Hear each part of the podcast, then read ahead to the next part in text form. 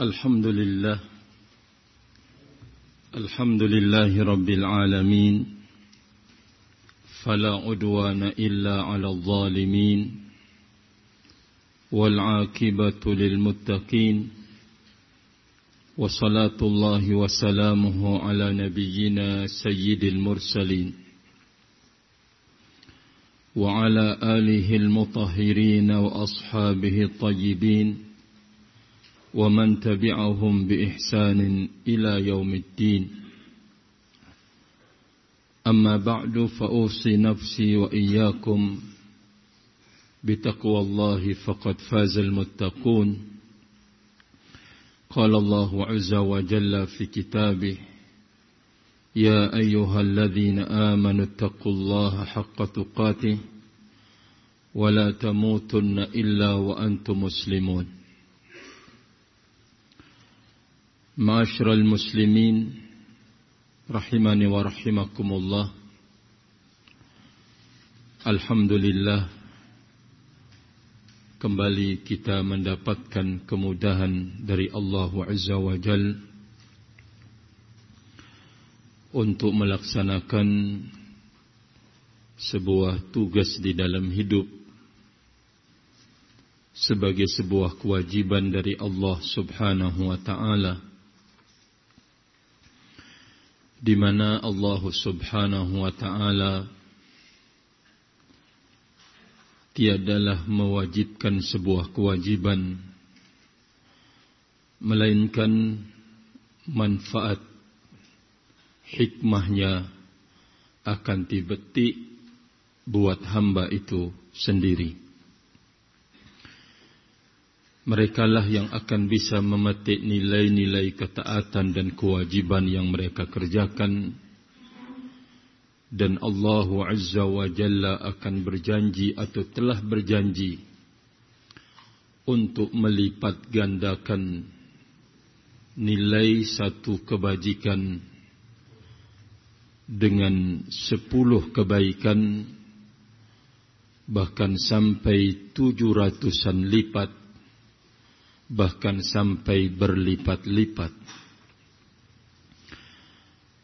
Tentu ini adalah sebuah kemurahan Allah Azza wa Jalla dalam mengganjar hamba-hambanya agar hamba itu benar-benar menyadari bahwa sudah tidak ada pintu dan ada alasan untuk tidak mau menjalankan ketaatan sekecil apa pun atau bermalas-malasan dalam menjalankan ketaatan kepada Allah Subhanahu wa taala. Karena semua apa yang kita usahakan untuk dunia tidak pernah kita akan memperoleh nilai seperti kita mengusahakan untuk akhirat. Tidak ada seorang pun dari bos atau mungkin pemilik perusahaan atau pimpinan yang akan siap menggaji kita berlipat-lipat. Tidak ada. Dia akan membayar sesuai dengan apa yang telah disepakati atau ditetapkan. Kalaupun akan ada tambahan, maka engkau akan melembur menambah jadwal untuk bekerja barakallahu fikum. Namun di saat seseorang ingin melaksanakan ketaatan yang terkait dengan agamanya, Allah Azza wa Jalla akan siap memberikan lipatan dari nilai ketaatan yang dia telah lakukan bahkan satu pekerjaan tidak butuh kepada bermenit-menit bahkan berdetik-detik. Seseorang mengucapkan alif lam mim. Berapa detik kalimat alif lam mim akan keluar dari lisan ini? Allah Azza wa Jalla akan menghitungnya alif sebagai satu kebaikan yang akan diganjar sepuluh, lam satu kebaikan yang akan diganjar sepuluh, mim satu kebaikan yang akan diganjar sepuluh. Berarti, kalau seseorang mengucapkan alif lam mim, maka akan mendapatkan ganjaran tiga puluh kebaikan. Bagaimana kalau seseorang menyelesaikan Bismillahirrahmanirrahim? Bagaimana kalau seseorang menyelesaikan surat Al-Fatihah? Al-Fatihah ditambah lagi dengan surat-surat yang lain. Maka dia akan mendulang sebanyak-banyaknya nilai di dalam hidup yang dia tidak pernah akan dapatkan dan di saat dia pontang-panting peras keringat untuk bekerja buat duniawinya. Ini semua memberikan makna kepada kita bahwa tidak ada alasan hamba itu untuk bermalas-malasan tidak ada alasan bagi hamba itu untuk mengatakan tunggu sebentar. Nanti di saat kemudian Allah Azza wa Jalla membukakan peluang baginya untuk menjalankan ketaatan. Tidak ada sama sekali barakallahu fikum. Maka oleh karena itu kemudahan yang kita peroleh pada malam hari ini. Pada sore hari ini kita bisa melaksanakan sebuah kewajiban yang besar, salat fardu.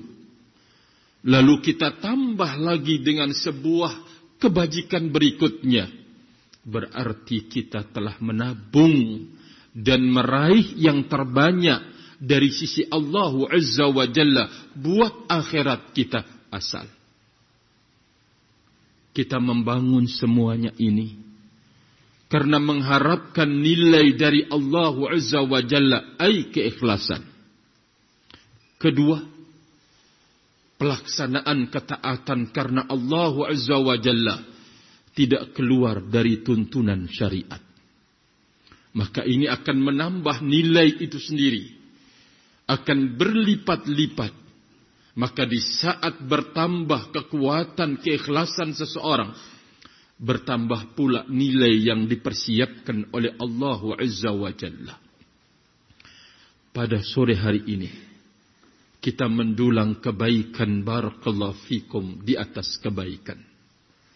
Semoga Allah subhanahu wa ta'ala memberkahi kita semuanya dan memberkahi apa yang terkait dengan ketaatan ini, umur kita, waktu kita, kesempatan kita, sampai amal kita. Berharap barokah dari Allah subhanahu wa ta'ala. Allahumma amin. Ma'asyiral muslimin yang saya hormati, menyambung pembicaraan yang telah lewat terkait dengan at-ta'assi berteladan terhadap para pendahulu kita yang soleh sebuah sikap yang agung dan mulia menunjukkan ketabahan, kesabaran, kesiapan, keberanian yaitu waqafan menjadi orang yang wakaf siap berhenti siap dikomando siap diarahkan oleh barakallahu fikum al-haq rahimani wa rahimakumullah Umar ibn al-Khattab radhiyallahu taala anhu telah memberikan sebuah pelajaran yang sangat berharga. Dalam kisah yang lain masih terkait dengan sahabat Umar ibn al-Khattab radhiyallahu taala anhu. Qala Abu Wa'il Syakik bin Salamah rahimahullahu taala kata beliau jalastu ila Syaibah saya duduk mendatangi Syaibah yakni Al-Hajabi. Siapa Syaibah ini kanat mafatihul Ka'bah indahu. Kunci Ka'bah itu dipegang oleh Bani Syaibah. Kunci Ka'bah itu berada di Bani Syaibah ini. Baik di saat masa jahiliyah dulu. Wal Islam. Dan di masa al-Islam. Rasul alaih salatu wassalam memberikan amanat dan mandat kepada mereka untuk menjaga Baitullahil Haram dengan menyerahkan kunci-kuncinya kepada Bani Syaibah. Abu Wa'il Syakik bin Salamah bercerita, "Jalastu ila Syaibata fi hadzal masjid." Saya duduk bersama Syaibah di masjid ini. Di dalam riwayat yang lain disebutkan bahwa masjid yang dimaksud adalah Ka'bah eh, Ka'bah Baitullahil Haram. Qala lalu Syaibah bercerita. Ketika Abu Wa'il Syakik bin Salamah duduk bersama Syaibah di Baitullah. Maka Syaibah bercerita qala jalasa ilayya Umaru fi majlisika hadha. Kata Syaibah bercerita kepada Abu Wa'il Syakik bin Salamah. Sungguh telah duduk di tempat ini juga. Di tempatmu duduk ini adalah Umar ibnul Khattab radhiyallahu taala anhu. Apa ucapan Umar kepada Syaibah? sebagai juru kunci Ka'bah. Umar mengatakan hamamtu alla ada'a fiha safra wala bayda illa qasamtuha bainal muslimin. Aku punya keinginan kata Umar ibn Khattab radhiyallahu taala anhu. Aku tidak membiarkan di dalam rumah Allah ini maksudnya di dalam Ka'bah safra yaitu warna kuning maksudnya emas dan perak kecuali saya akan bagikan kepada kaum muslimin. Baitul mal harta benda yang itu merupakan hasil pampasan perang yang diletakkan di Baitullah itu Umar ibn al-Khattab radhiyallahu taala anhu punya keinginan untuk membagikan harta emas dan perak ini ke tengah-tengah kaum muslimin. Kultu kata Syaibah. Ma anta bifa'ilin. Anda tidak boleh melakukan itu. Anda jangan melakukan itu. Anda tidak boleh melakukan itu ketika mendengar ucapan Syaibah sementara Amirul Mukminin Umar ibn al-Khattab radhiyallahu taala anhu sebagai khalifah Anda tidak boleh melakukan itu. Qala lima Kata Umar ibn al-Khattab radhiyallahu taala anhu bertanya kembali, "Kenapa?" Qultu kata Syaibah mengatakan, "Lam yaf'alhu sahibaka. Dua temanmu yang telah berlalu, sahabatmu tidak melakukan hal itu. Siapa yang dimaksud? Dua sahabat sebelum Umar ibn Khattab radhiyallahu taala anhu. Siapa? Rasulullah alaihi salatu wassalam dan Abu Bakar As-Siddiq radhiyallahu taala anhu. Kata Syaibah mengatakan bahwa kedua sahabatmu tidak melakukan hal itu. Mari kita cross check. Melihat barakallahu fikum. Di masa Nabi Ali salatu wassalam aduhai betapa butuhnya kaum muslimin di masa Abu Bakar As-Siddiq radhiyallahu taala anhu sangat butuhnya kaum muslimin akan itu semua. Tapi tidak dilakukan oleh Rasul sallallahu alaihi wasallam dan Abu Bakar As-Siddiq radhiyallahu taala anhu.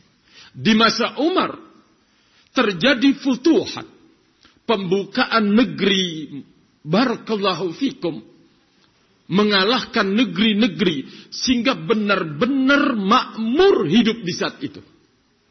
Umar ibn Khattab mengatakan bahwa saya berkeinginan untuk membagikan apa yang ada di dalam ini terhadap kaum muslimin. Maka Syaibah mengingatkan, menegur Umar ibn Khattab radhiyallahu taala Orang kedua orang pendahulu engkau dalam kondisi muslimin sangat-sangat membutuhkan di saat itu. Rasul sallallahu alaihi wasallam tidak melakukannya. Abu Bakar As-Siddiq radhiyallahu taala anhu juga tidak melakukannya. Kala dengarkan ucapan seorang waqafan punya kesiapan di dalam hidup untuk kemudian menerima kebenaran. Kata Umar ibn al-Khattab radhiyallahu taala anhu, "Humal mar'ani yuqtada bihima." Umar ibn al-Khattab radhiyallahu taala anhu mengatakan bahwa keduanya Rasul alaihi salatu wassalam dan Abu Bakar dua orang yang wajib untuk diikuti. Berhenti. Tidak lagi berkeinginan dan berkemauan untuk membagikan harta yang ada di dalam Baitullah itu kepada kaum muslimin. Tadi sudah kita gambarkan bahwa di masa Nabi Shallallahu Wasallam betapa membutuhkannya kaum muslimin tidak dilakukan. Di masa Umar, eh, di masa Abu Bakar As-Siddiq radhiyallahu taala anhu, kaum muslimin sangat membutuhkan, tapi tidak dilakukan. Maka Umar ibn al-Khattab radhiyallahu taala anhu berhenti. Diam, tidak kemudian melangsungkan kemauan dan keinginannya barakallahu fikum.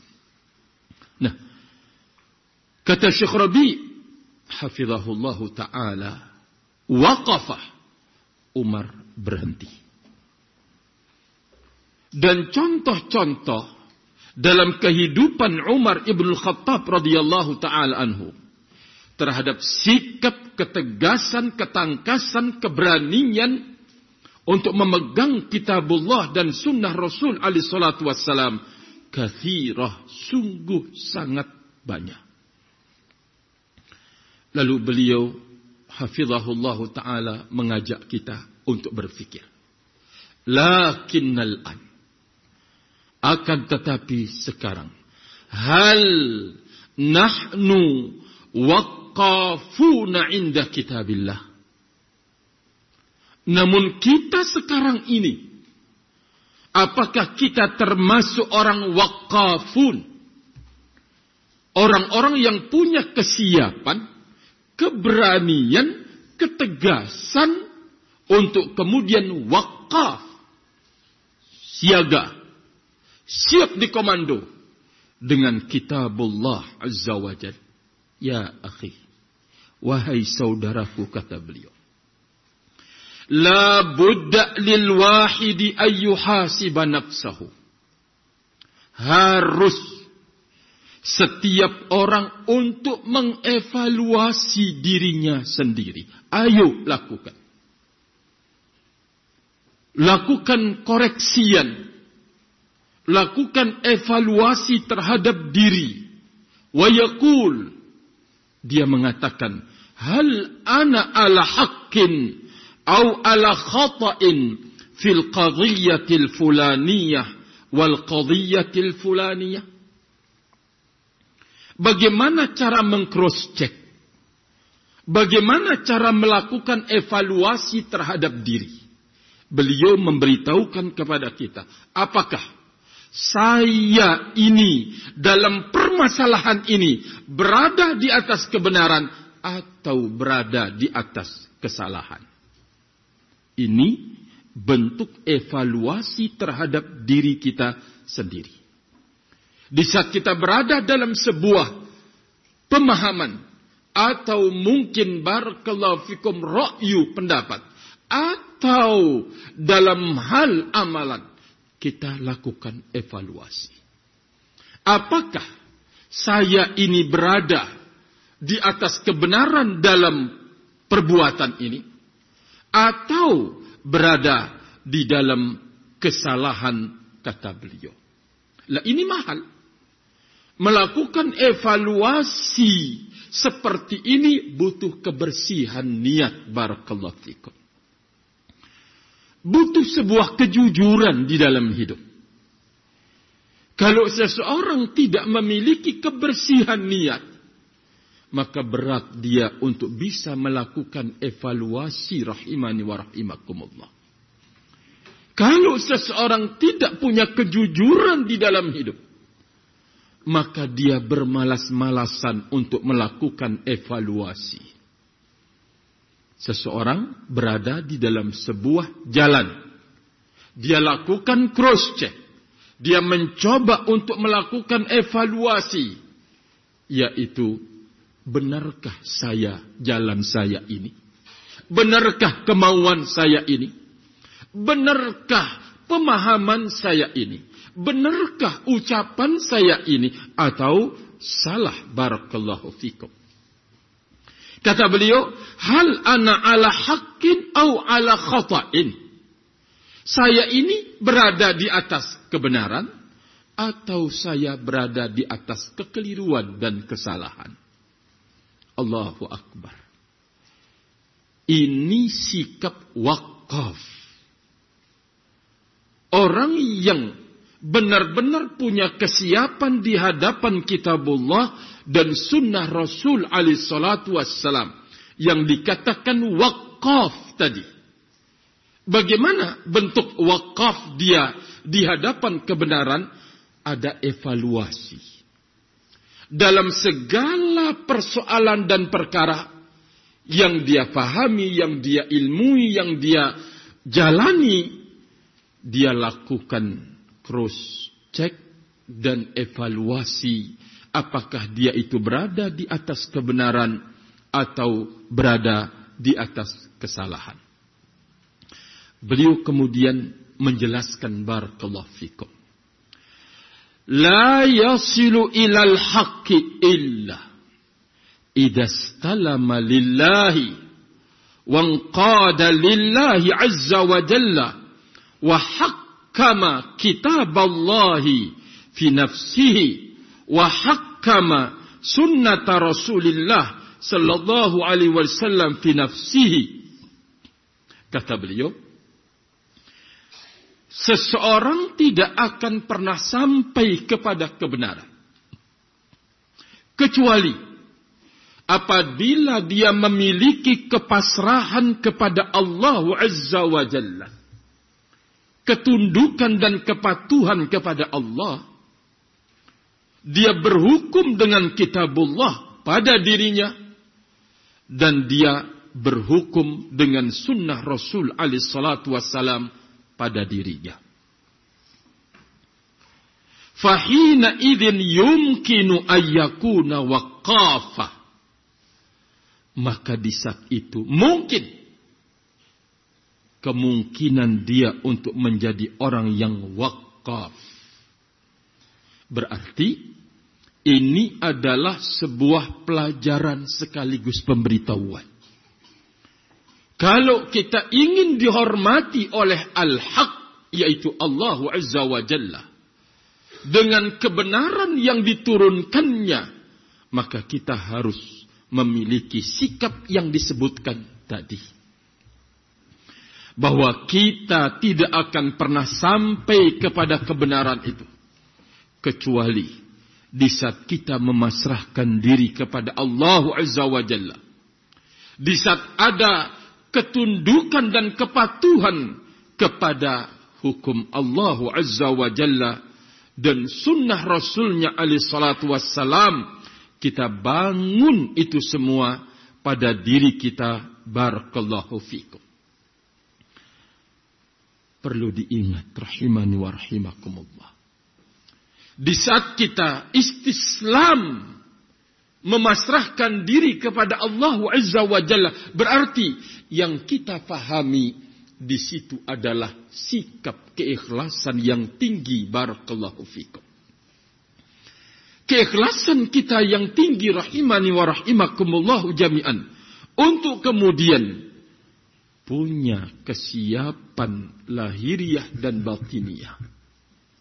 Mari kita langsungkan nasihat beliau yumkin ayyakuna raja'an lil haq. Orang yang punya kesiapan seperti ini, kepasrahan dia kepada Allah Azza wa Jalla, ketundukan dan kepatuhan dia, dia akan bisa menjadi raja. Orang yang siap kembali kapan pun, di saat apa pun, di mana pun terhadap kebenaran barakallahu fikum. Ini sekali lagi pelajaran yang sangat berharga. Nah, kapan rahimani wa rahimakumullahu jami'an akan berkuasa kebatilan pada orang ini kapan? Kapan barakallahu fikum?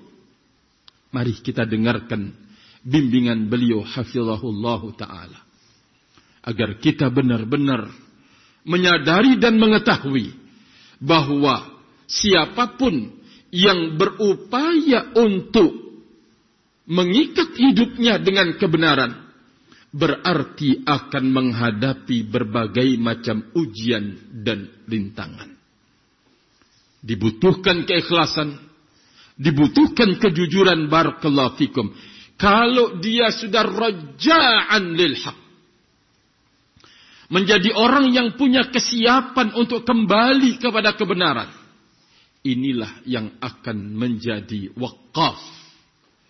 Orang yang memang punya keberanian, punya kesiapan mental untuk kemudian memegang prinsip kebenaran itu terhadap orang ini kapan kebatilan itu akan berkuasa? Mungkin jawabannya sangat-sangat mungkin. Kapan itu terjadi? Kata beliau, lakin idza arsala li nafsihi al-anana fala yaqifu fi wajhi syai'un la kitabun wala sunnatu Rasulillah sallallahu alaihi wasallam fa innal batila sayastawli alaihi. Kapan saja, di mana saja, bila atau dia melepaskan kekangan hidup tadi. Ikatan dia dengan kebenaran itu dilepaskan. Berarti kan sudah tidak punya lagi kekuatan untuk membawanya sudah tidak punya lagi kemampuan, keberanian untuk melindunginya, dia lepaskan. Maka terhadap orang yang seperti ini, kebatilan akan menguasainya. Barakallahu fikum. Kata beliau, fa'ana ansahu nafsi. Wa ansahu abnai. Wa ansahu ikhwani. Wa ansahu zumalai. Wa ansahu man yukhalifuni. An nattaqiyallaha fi anfusina. Wa fi hadhihi al-ummati wa fi hadha ash-shabab fanuhakkimu kitab Allah. Wa najma'uhum ala wa ala sunnati rasulillah sallallahu alaihi wasallam wa nurabbi abna'ana fi masajidina ومدارسنا وبيوتنا على هذه الأمور وعلى هذا المنهج. وأن نتقي الله في الأهواء والأغراض. فإنها والله شتتت الأمة وشتتت الشباب.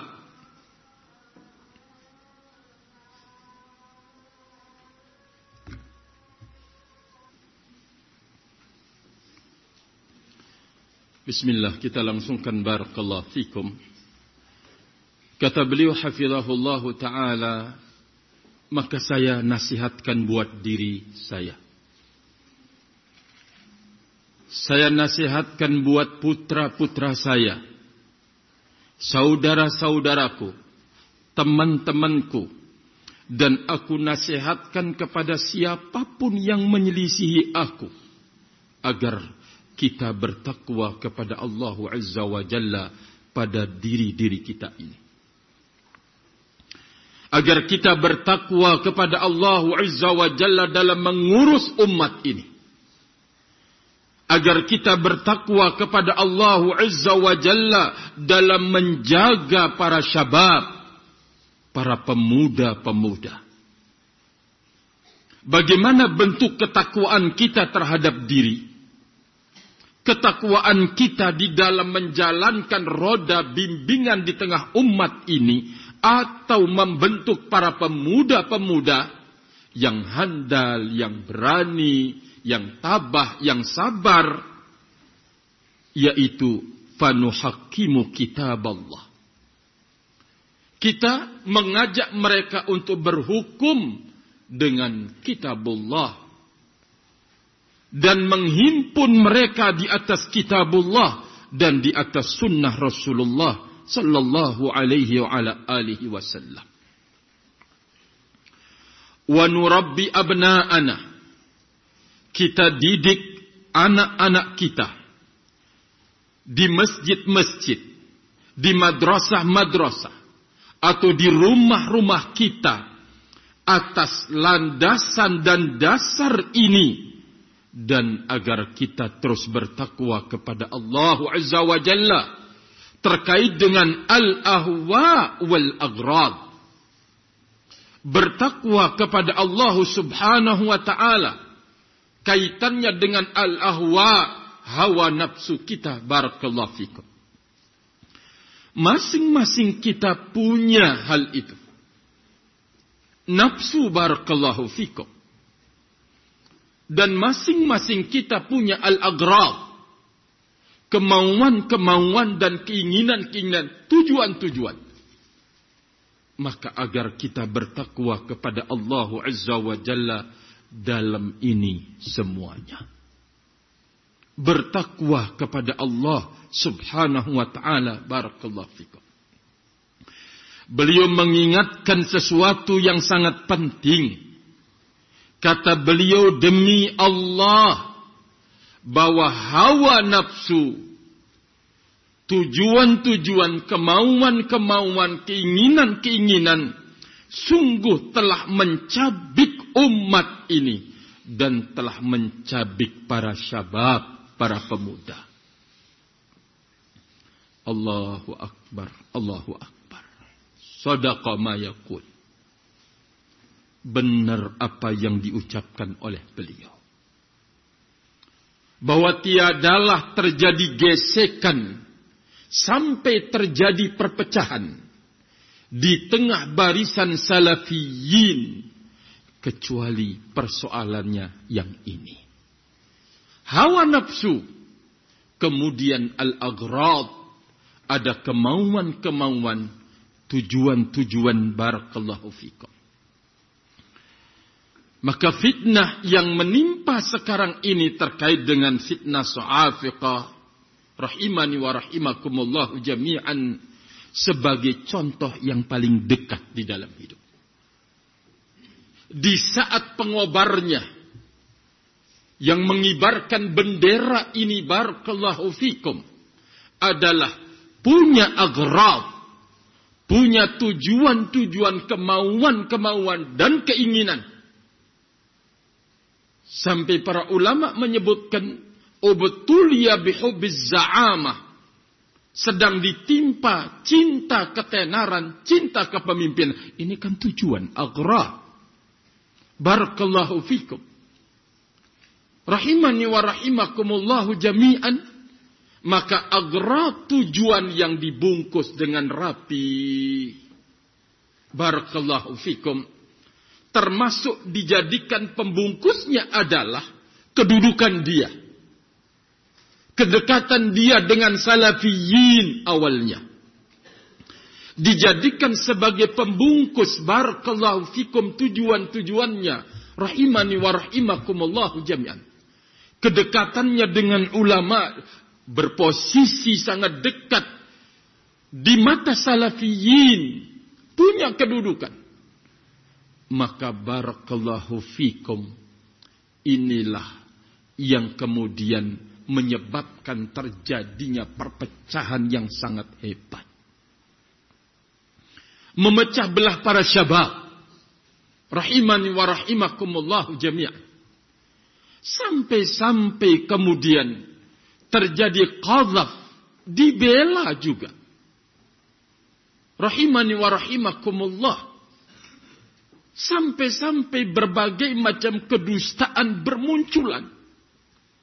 Sampai kemudian mereka mengadakan acara penyambutan di saat kemudian ada informasi burung dan dusta kalau dia akan dibebaskan dari jilid 80 kali cambukan mereka bersorak ria, bergembira. Demi membela. Tapi satu hal yang perlu kita ingat. Bagaimana dengan membungkus atau bungkusan yang indah itu. Banyak terjebak dan terprosok ke dalamnya. Sehingga maaf-maaf.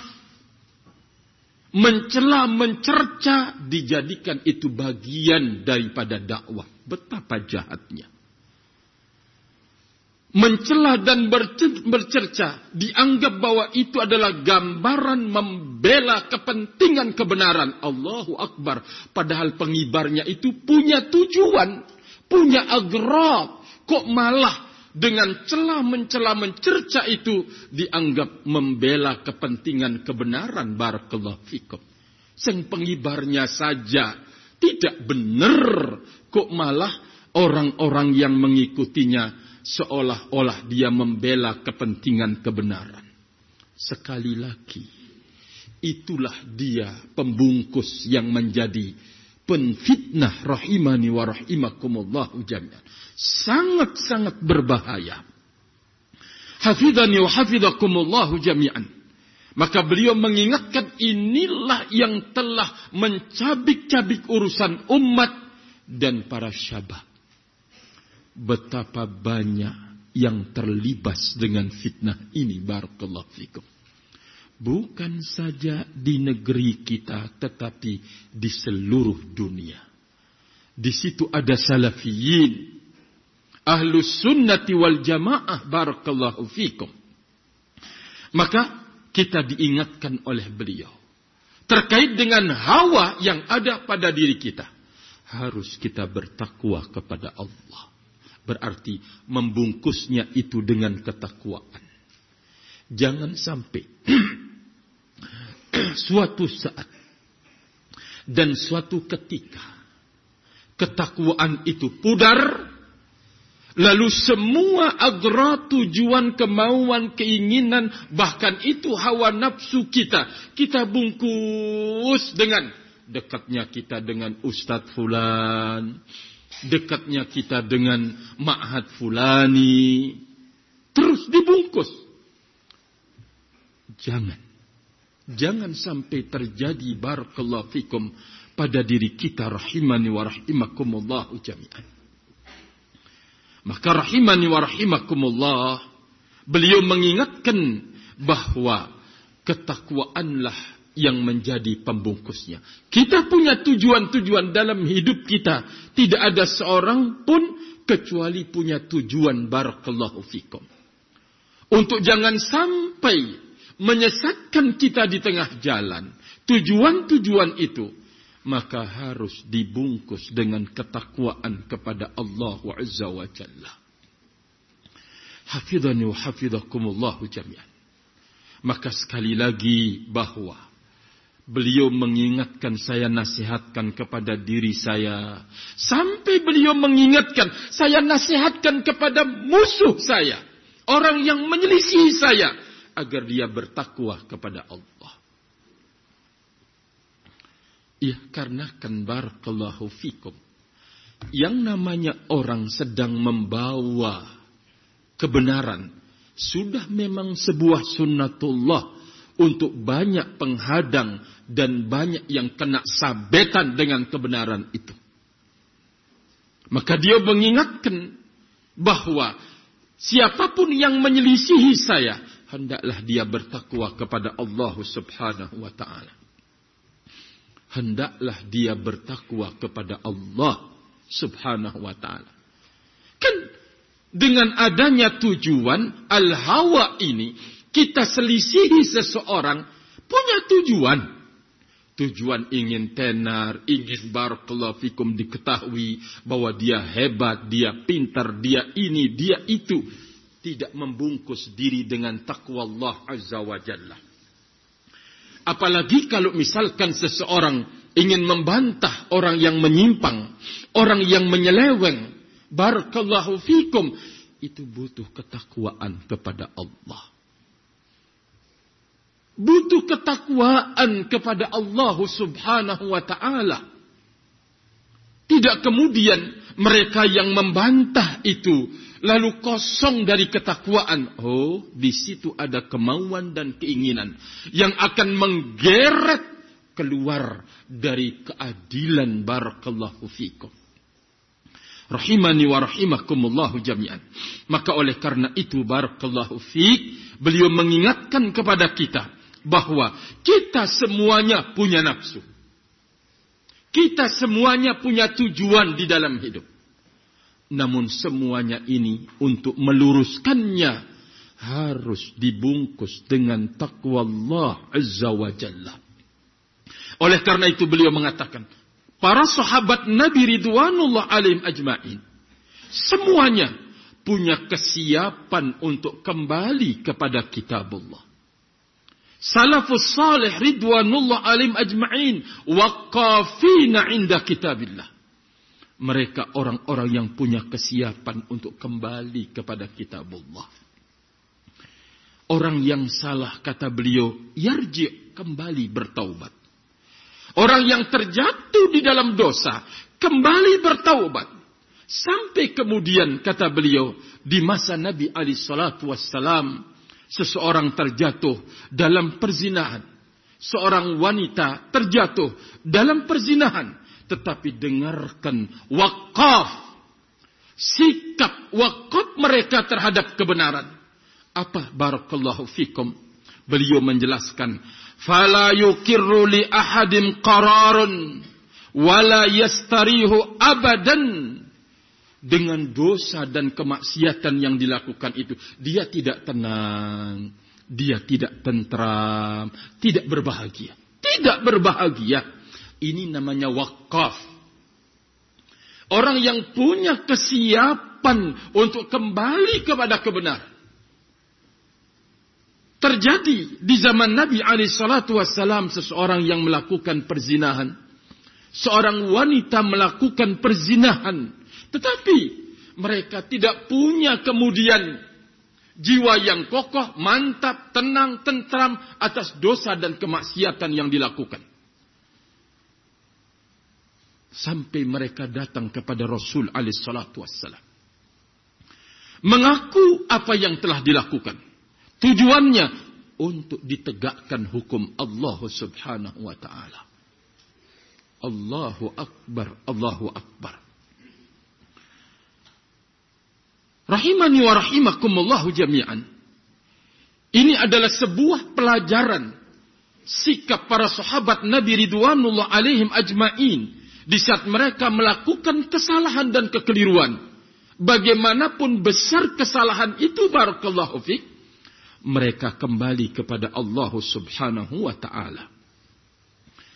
Mereka menjadi orang yang wakaf di hadapan kebenaran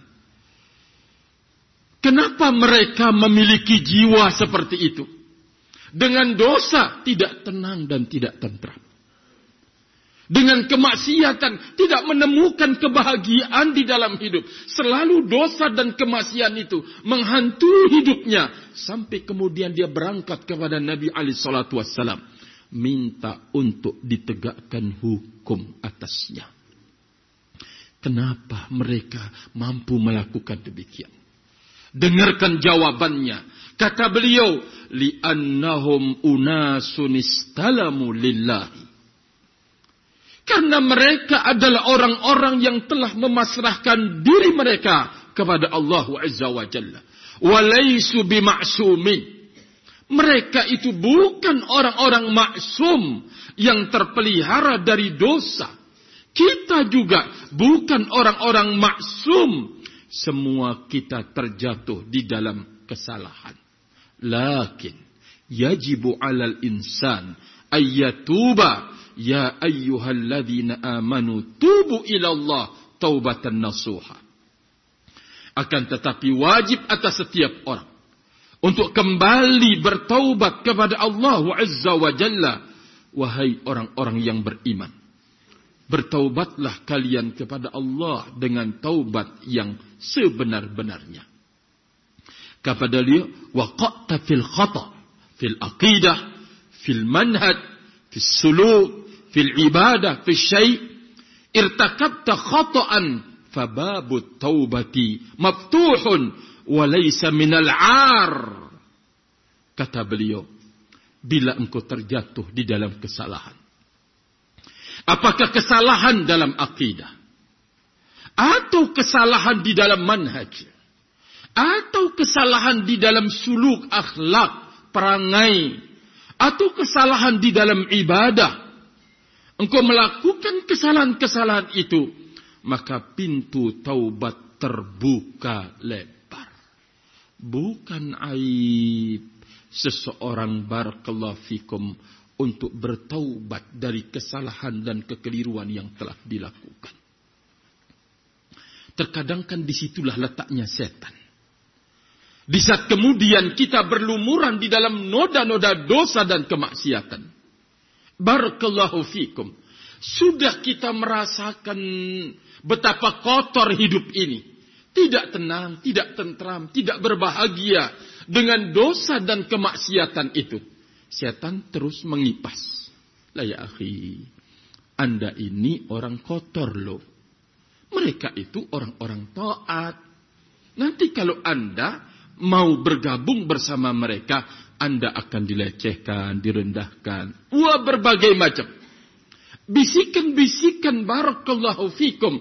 Hal itu muncul Sampai kemudian dia selalu mengingat bayangan dosa-dosa yang tidak akan dimaafkan. Sampai menjadi orang yang putus asa di dalam hidup. Harus kita tutup peluang-peluang itu. Barakallah fikum. Beliau mengikat, mengingatkan. Balil ambiya'u yukhti'una wa yarji'un.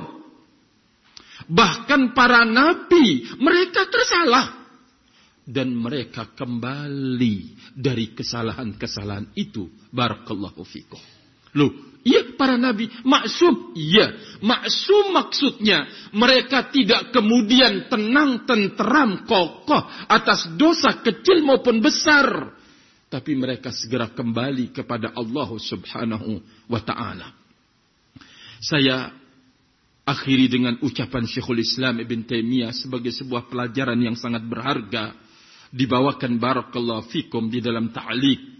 Beliau saya bacakan saja, tidak bacakan dengan uh, bahasa Arabnya, saya terjemahkan. Kata Syekhul Islam Ibn Taimiyah rahimahullahu taala, para nabi salawatullah wasalamuhu alaihim terpelihara dari terus-menerus di atas dosa. Berarti mereka melakukan kesalahan juga sebagai manusia barakallahu fikum.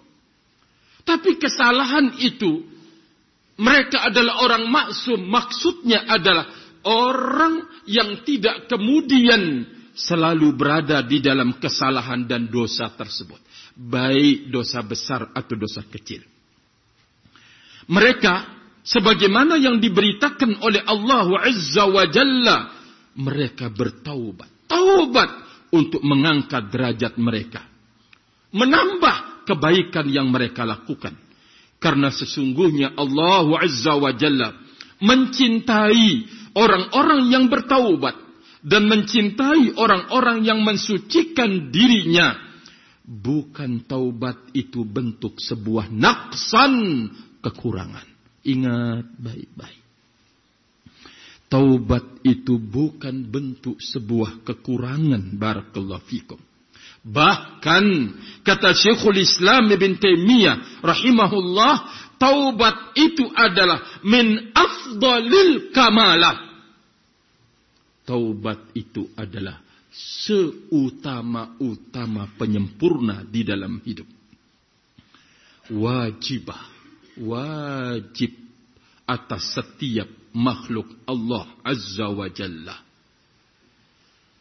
Kemudian beliau membacakan, membawakan firman Allah Azza wa Jalla. Di saat kemudian amanah ditawarkan ke langit, ke bumi, ke gunung. Semuanya tidak sanggup untuk memikulnya. Manusia yang memikulnya. Wahamalahal insan. Innahu kana zaluman jahula. Sungguh manusia itu berada di dalam kondisi banyak melakukan kezaliman dan banyak mempraktekkan kebodohan. Kata Syekhul Islam Ibn Taimiyah rahimahullah setelah membacakan ayat ini membawakan liyu'adziballahul munafiqin wal munafiqat wal musyrikin wal musyrikat wa yatuballahu 'alal mu'minin wal mu'minat. Kata beliau, tujuan setiap orang mukmin adalah at-taubah. Bertaubat kepada Allah Subhanahu wa taala. Kemudian beliau menjelaskan rahimani wa rahimakumullah. Allah Azza wa Jalla memberitakan tentang seluruh para nabi taubat dan istighfarnya mereka. Bagaimana Nabi Adam alaihissalatu wassalam terjatuh di dalam dosa. Nabi Nuh alaihi salatu wassalam, Nabi Ibrahim alaihi salatu wassalam, Nabi Musa alaihi salatu wassalam, dan selain mereka. Nabiullah Adam alaihi salatu wassalam mengatakan, Rabbana zalamna anfusana wa illam taghfir lana wa tarhamna lanakunanna minal khasirin. Nabi Nuh alaihi salatu wassalam mengatakan, Rabbi Inni bika an as'alaka ma laysa li bihi ilmun wa illa taghfir li wa tarhamni akum minal khasirin. Demikian juga Nabi Ibrahim alaihi salatu wassalam, Nabi Ismail alaihi salatu wassalam, Nabi Musa alaihi salatu wassalam, Nabiullah Daud, Nabiullah Sulaiman dan selain mereka dari para nabi rahimani wa rahimakumullahu jami'an. Ma'asyiral ikhwah, hafidhani wa hafidhakumullah. Maka ini semuanya adalah sebuah pelajaran. Bahwa taubatnya orang yang beriman dan istighfarnya mereka kepada Allah Azza wa Jalla termasuk daripada kebaikan yang sangat besar, ketaatan yang sangat besar, ibadah yang sangat agung yang dengannya mereka akan mendapatkan pahala besar dari Allah Azza wa Jal dan akan menolak berbagai macam bentuk hukuman dari Allah Subhanahu wa taala. Kemudian barakallahu fikum beliau menjelaskan wa idza qala al-qail apa sih butuhnya para nabi kepada ibadat dan ketaatan? Karena jahilan? Apakah karena kebodohan? Li'annahum innama nalu manaluhu ibadati wa ta'atihim. Maka beliau mengingatkan. Kok para nabi itu butuh untuk melaksanakan ibadat dan ketaatan? Kata Syekhul Islam, ini ungkapan orang budulu. Kenapa? Karena para nabi tidak memperoleh apa yang mereka peroleh di dalam hidup. Kecuali melalui pintu ibadah dan ketaatan mereka. Ini satu. Kalau dikatakan mereka itu kan tidak butuh. Karena mereka adalah fahya afdalu ibadatihim wa ta'atihim Qala al-qail fattaubatu la takun illa an dhanbin wal istighfar. Kadzalika qila lahu adz-dzanbu alladhi yadurru sahibahu huwa ma lam yahsul minhu taubatun. Demikian juga kaitannya dengan taubat yang dilakukan oleh para nabi dan rasul. Karena kesalahan yang dilakukan. Karena dosa yang telah diperbuat barakallahu fikum. Maka dosa itu tidak akan membahayakan pelakunya. Dosa yang akan membahayakan pelakunya itu kalau dosa itu tidak dibarengi dengan taubat. Pelajaran sedikit lagi barakallahu fikum maka apabila terjadi setelah dosa itu taubat terkadang pelakunya itu lebih afdal dari sebelum dia melakukan kesalahan. Sebelum melakukan kesalahan barakallahu fikum. Faqad yakunu sahibuhu ba'da taubati afdala minhu qabla al-khati'ati. Terkadang seseorang yang bertaubat kepada Allah itu lebih afdal kedudukan dia dari sebelum dia melakukan kesalahan. Sebagaimana yang diucapkan oleh sebagian salaf, kana Daud ba'da taubati ahsana minhu halan qabla al-khati'ati. Nabiullah Daud alaihissalatu wassalam. Setelah bertaubat, lebih baik kondisinya dibanding dengan sebelum melakukan kesalahan. Walau kanat taubatu minal kufri wal kabair. Walaupun dia bertaubat dari kekufuran dan dosa-dosa besar. Saya ingin mengingatkan di belakang ini satu hal yang besar barakallahu fikum. Beliau mengingatkan pula para pendahulu dari kalangan orang-orang yang pertama kali masuk ke dalam Islam, muhajirin dan ansar. Mereka adalah terbaik manusia setelah para nabi dan rasul. Setelah para nabi dan rasul, mereka bisa menjadi terbaik setelah mereka bertaubat dari apa yang mereka lakukan. Kekufuran dan dosa-dosa yang mereka telah perbuat. Barakallahu fikum. Perhatikan baik-baik sebuah pelajaran yang sangat berharga. Agar jangan sekali-kali barakallahu fikum kita biarkan orang yang terjatuh di dalam dosa, lalu kita injak-injak dia, kita dorong dia untuk terjatuh.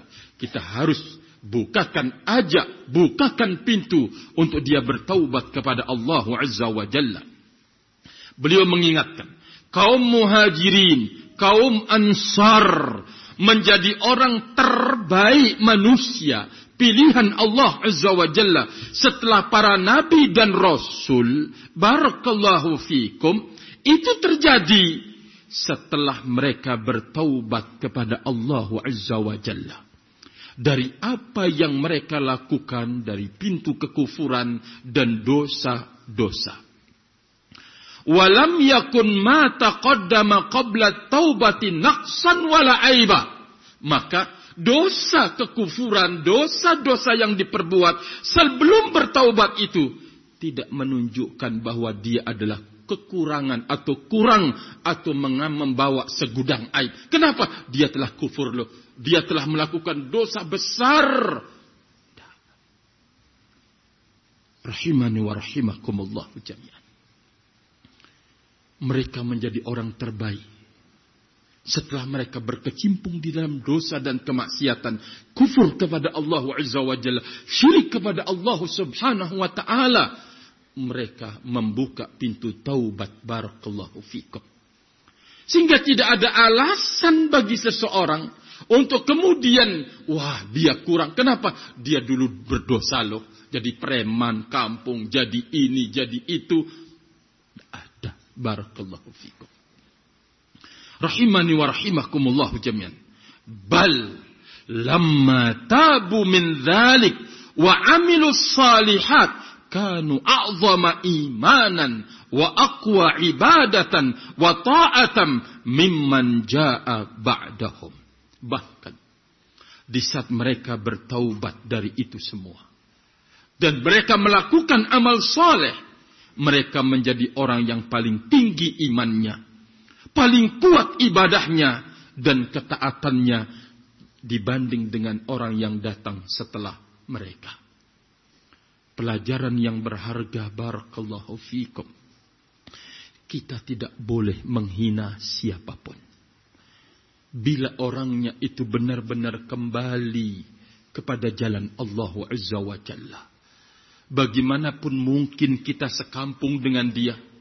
Atau mungkin satu pekerjaan jahat, jelek, buruk. Tetapi di saat dia kembali. Tidak boleh. Tidak boleh.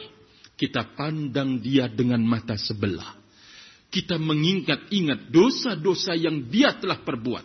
Lalu kita anggap enteng dan remeh dia ittaqillah. Takutlah engkau kepada Allah Azza wa Jalla. Betapa banyak orang yang setelah terjatuh di dalam kesalahan dan kekeliruan. Lalu dia bertaubat. Lebih baik kondisinya dibanding dia sebelum melakukan kesalahan dan kekeliruan. Barakallahu fikum. Yang saya ingin tegaskan. Jangan sampai ada di antara kita menginginkan ustadz yang maksum di dalam hidup kita. Jangan. Anda tidak akan menemukan. Sampai Anda sampai ke ujung langit tidak akan menemukan yang namanya manungso sebagaimana bagaimanapun kaliber ilmunya menjadi orang yang bebas dari kesalahan dan kekeliruan. Tidak akan Anda jumpai. Barakallahu fikum. Satu. Jadi, kita harus benar-benar membantu diri kita dan membantu orang lain. Di saat terjatuh dalam kesalahan dan kekeliruan, bagaimana kita membantu dia untuk segera kembali bertaubat kepada Allah Azza wa Jalla. Mungkin kita ma'asyiral muslimin, muslimat, diuji oleh anak-anak kita putri-putri kita ahlus sunnati wal jamaah. Jangan anda melihat di saat kemudian ada seorang al-ab, ada seorang al-um, diuji oleh anaknya, diuji oleh Allah Azza wa Jalla melalui anaknya. Antum anggap remeh dia. Antum anggap enteng dia. Antum biarkan. Tetapi kita harus memberikan bantuan kepadanya. Suatu saat kita akan diuji. Sebagaimana ujian yang telah menimpanya. Loh ya akhi, dia kan ustaz loh. Oh, tidak ada. Nabi Nuh alaih salatu wassalam telah diuji oleh anaknya. Diuji melalui anaknya. Nabi Nuh alaih salatu wassalam telah diuji melalui istrinya. Nabi Lut alaih salatu wassalam telah diuji melalui barakallahu fikum istrinya rahimani wa rahimakumullahu jami'an. Maka di sinilah letaknya untuk kita saling bahu membahu. Anggap bahwa anak-anak salafiyin yang ada di sini adalah anak-anak kita. Di saat kita menemukan kekurangan, kesalahan, kekeliruan, pertama kali kita punya kewajiban untuk mengingatkan dia menasihatkan dia, memberitahukan kepada kedua orang tuanya, afwan akhi, ana melihat anak kita melakukan demikian mungkin tolong bisa ditegur, diingatkan. Terus barakallahu fikum. Rahimani wa rahimakumullah. Maka di sinilah letaknya. Membuka pintu taubat buat diri dan buat orang lain butuh ketulusan dan keikhlasan untuk kita terus membukanya di dalam hidup barakallahu fikum. Maka siapa pun, siapa pun guru kita, dia adalah manusia biasa. Akan kita temukan kekurangan pada dirinya. Maka jikalau ustadz kita punya kekurangan, berarti kita akan lebih punya kekurangan pula. Maka kita saling bahu membahu. Saling tolong menolong. Untuk memperbaiki. untuk kemudian mengingatkan barakallahu fikum. Jangan sampai kemudian ada di antara antum, hah, Ustaz salah satu contreng. Dua, dua tulis. Tiga, hah. Setelah kemudian dapat sepuluh poin, dibawa kepada majelis. Duduk. Ya, akhi, ini uh, datanya saya sudah tulis tanggal sekian ini, ini, ini, ini. Ho, ho. Jangan lakukan. Kita harus sayang terhadap diri. Sayang pula terhadap orang lain.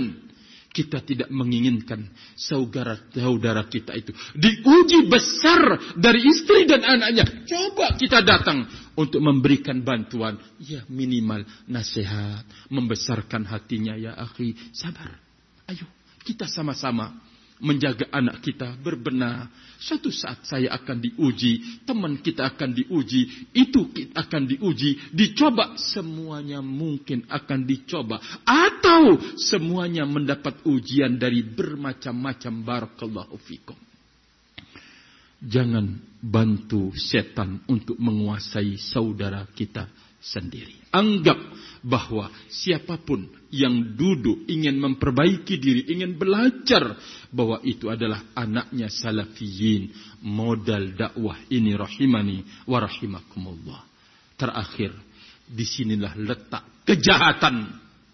Di sinilah letak kejahatan. Fitnah barakallahu fikum Ibnu Hadi rahimani wa rahimakumullah. Bagaimana itu?